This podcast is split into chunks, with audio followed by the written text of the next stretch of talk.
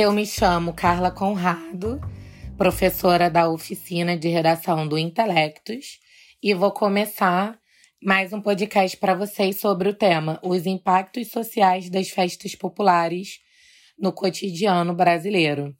Tá? Então é um tema é, que traz uma palavrinha-chave, né? Impactos sociais, no caso, né? Porque não é qualquer impacto, então impacto social, que tem vários aspectos e vários caminhos a serem abordados dentro da ideia de festas populares no cotidiano brasileiro. E eu escolhi um caminho que é um caminho muito da minha verdade, né? Do que eu acredito, tá? Mas existem outros caminhos e eu espero ajudá-los né, no caminho daquilo que eu entendo como um impacto social mesmo de verdade, tá, na vida das pessoas. Pensando na redação em si, galera, no nosso projeto de texto, é, como contextualização, eu pensei em várias coisas. Então, minha primeira contextualização que faria sentido para mim, no caso, caso eu fizesse a redação, seria trazer o movimento modernista né? E trazer dentro desse movimento a arte brasileira, as artes plásticas, a pintura. Porque tem quadro da Anitta Mal Malfatti, do Portinari e do Di Cavalcante que expressam sobre as festas juninas. Então, da Anitta Malfatti, né? Se chama Festa Junina e Soltando o Balão, que são quadros que não têm uma data específica, mas foram obras criadas em 1940 o do Portinari, Festa de São João, o nome do quadro, em 1958, e o do Di Cavalcante, São João, em 1969. Então, eu citaria essas artes que retratam uma festa até hoje muito famosa no Brasil, apesar né, de em cada local brasileiro ter a sua especificidade em relação à festa junina, tá? E linkaria com o tema para depois colocar minha tese. Outra contextualização seria trazer a história do carnaval no Brasil, que aí é uma coisa que eu amo, né? Tem super a ver comigo, que nascida e criada no samba.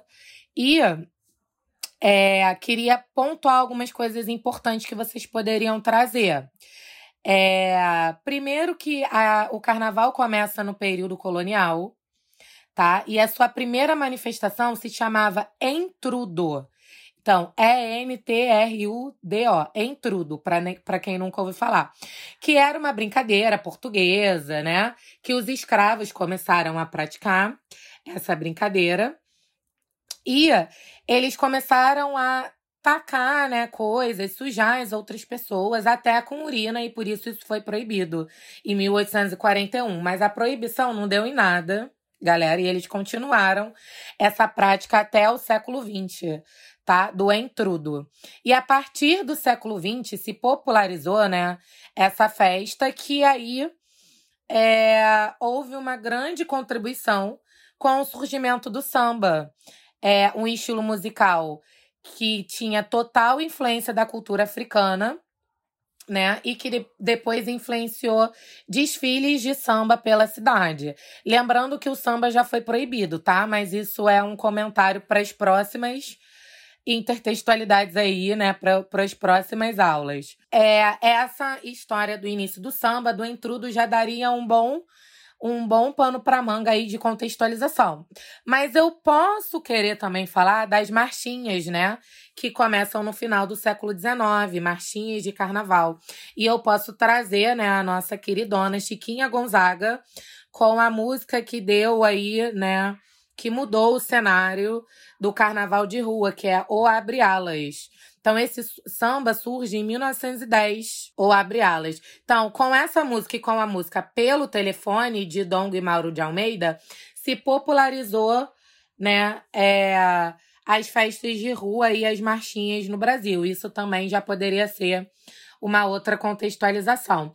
Eu posso querer sair desse cenário de Rio de Janeiro, né? Porque até agora eu tô falando do Rio e trazer as histórias dos afoxés, frevos e cursos, né?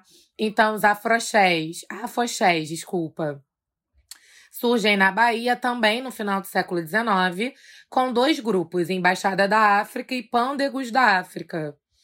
Tá? No mesmo período, nasce o frevo, que passou a ser praticado né, é, em Pernambuco, e depois é, o maracatu, desculpa, que passou a ser praticado no Recife, e depois o maracatu em Olinda, tá? Em 1910, os cursos, né, surgiram com carros conversíveis da elite carioca desfilando pela Avenida Central, que hoje é atual Rio Branco, e essa prática durou até 1930. Então, dentro da história das festas populares do carnaval, afoxés, frevo e cursos, né, eu também posso trazer aí a origem do samba, das escolas de samba e tal, porque os cursos meio que deram origens a essa escola de samba, tá? E foi em 1932 que nasceram as escolas de samba do Rio de Janeiro, com duas escolas que desfilavam né, na Avenida Central, atual Rio Branco. A primeira se, se chamava Deixa Falar, que hoje é Estácio de Sá, e a segunda Vai Como Pode, que hoje é a Portela. Então se torna uma atividade comercial é, só depois, bem depois, em 1960, porque a prefeitura começou a colocar arquibancada, né? É, começou a cobrar dinheiro. E em 1984, o Leonel Brizola cria o Sambódromo, né? Que naquela época ele era ex-governador do Rio de Janeiro já. Então, olha quanta coisa, gente, quantos caminhos históricos vocês podem fazer de contextualização que eu amo toda essa cultura brasileira, sou apaixonada. E eu acho que dá muito pano pra manga, mas foquem, tá? Porque eu dei muita informação.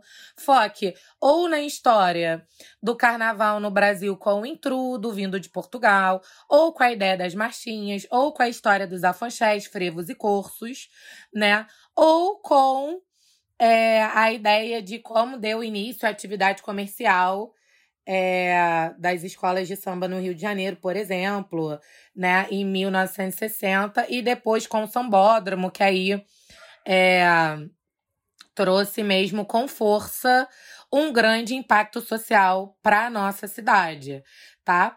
Tudo isso tem que fazer um caminho para o tema e fazer um caminho para a tese, que eu iria para um, um espaço mais tranquilo para mim, né? Que é analisar ou elucidar as consequências desse impacto aí social dessas manifestações culturais, né, ainda hoje no cenário brasileiro.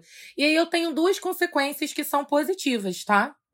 Que talvez seja mais difícil para vocês pensarem, né, uma proposta de intervenção, mas eu tenho um gancho para essa proposta de intervenção. Então vamos lá. A primeira consequência seria que ela é importante porque estimula a economia local, né? Fornece grande, uma grande quantidade de dinheiro para as cidades e também gera emprego. Tá? Então é uma consequência que leva a outra. Tá? Então é uma grande geradora de emprego. A segunda consequência do desenvolvimento 2 é que ela fortalece a cultura local, fortalece a ideia de pertencimento e de memória do país, né, da nossa construção identitária, tá? Então ela tem um impacto no, do, muito grande numa criação de identidade nacional. É, ela tem um impacto de reconhecimento dentro daquele lugar, tá? Então, reconhecer suas origens, numa ideia mesmo de memória. Tem vários autores que falam sobre isso, historiadores, sociólogos, para comprovar. Mas, galera, dá para vocês comprovarem esse argumento com algo que é prescrito no nosso currículo, né, de educação, nos nosso plano curricular nacional, né, PCNs. Aí, eles falam que é importante os alunos estudarem a ideia de memória e saberem suas origens e tal, tá? E vocês poderiam comprovar com os PCNs. Para fazer um gancho para a proposta de intervenção, vocês teriam que em algum momento, né, dizer que porque também pode ser na conclusão, inclusive, que é a prática de festas populares se tornou indispensável né, na representação identitária na vida dos brasileiros. Contudo, há cada vez mais, a cada ano, um enfraquecimento político, né? é, em relação a essa prática. O enfraquecimento até um pouco conservador, por achar que é uma festa da carne, muitas vezes com carnaval e até outras festas, né? É, e assim, para que ela continue se fortalecendo, né? E ela cresça cada vez mais nesse cenário, o que que eu pensei? Um, uma proposta bem simples. A criação de uma tríade agentiva com mídia representantes dessas festas populares, né? Um representante de carnaval, enfim, e a própria sociedade civil. É, o que, que elas têm que fazer? Divulgar, informar, disseminar a sua relevância para o país, a sua relevância econômica, né? O seu impacto no coletivo com campanhas televisivas, em páginas nas redes sociais, criação de um calendário anual, com vários eventos, divulgação, né? É, patrocínios, tá? Enfim, dá para trazer várias, vários modos e meios aí para que continue favorecendo a cultura do país e gerando emprego não só em períodos sazonais, que se torna um problema, né? Muitas vezes. Porque é só durante fevereiro, março, ou só durante junho, julho, festa junina, tá? Mas todo ano, criando um calendário anual, apesar de.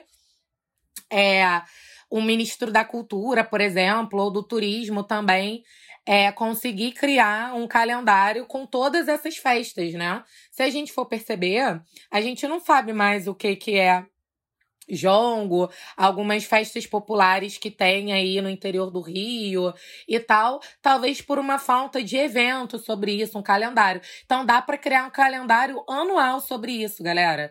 Tipo, começar em fevereiro com carnaval, em março uma outra festa, em abril outra festa, né? Em julho festa junina, e aí trazer cada vez mais essa folia de reis, essas várias festas populares que existem aí.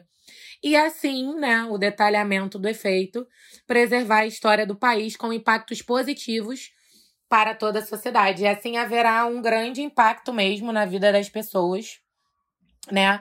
É, mas é um impacto de é, preservação à memória e ao que nós somos, né? Porque conta muito das nossas origens, todas essas festas. Tem festas que mistura, que tem um secretismo religioso maravilhoso, né, que mistura catolicismo com religiões afrodescendentes, com cultura indígena. Então a gente precisa continuar preservando essas festas. É isso, galera. Um grande beijo, boa redação para vocês. Tchau, tchau.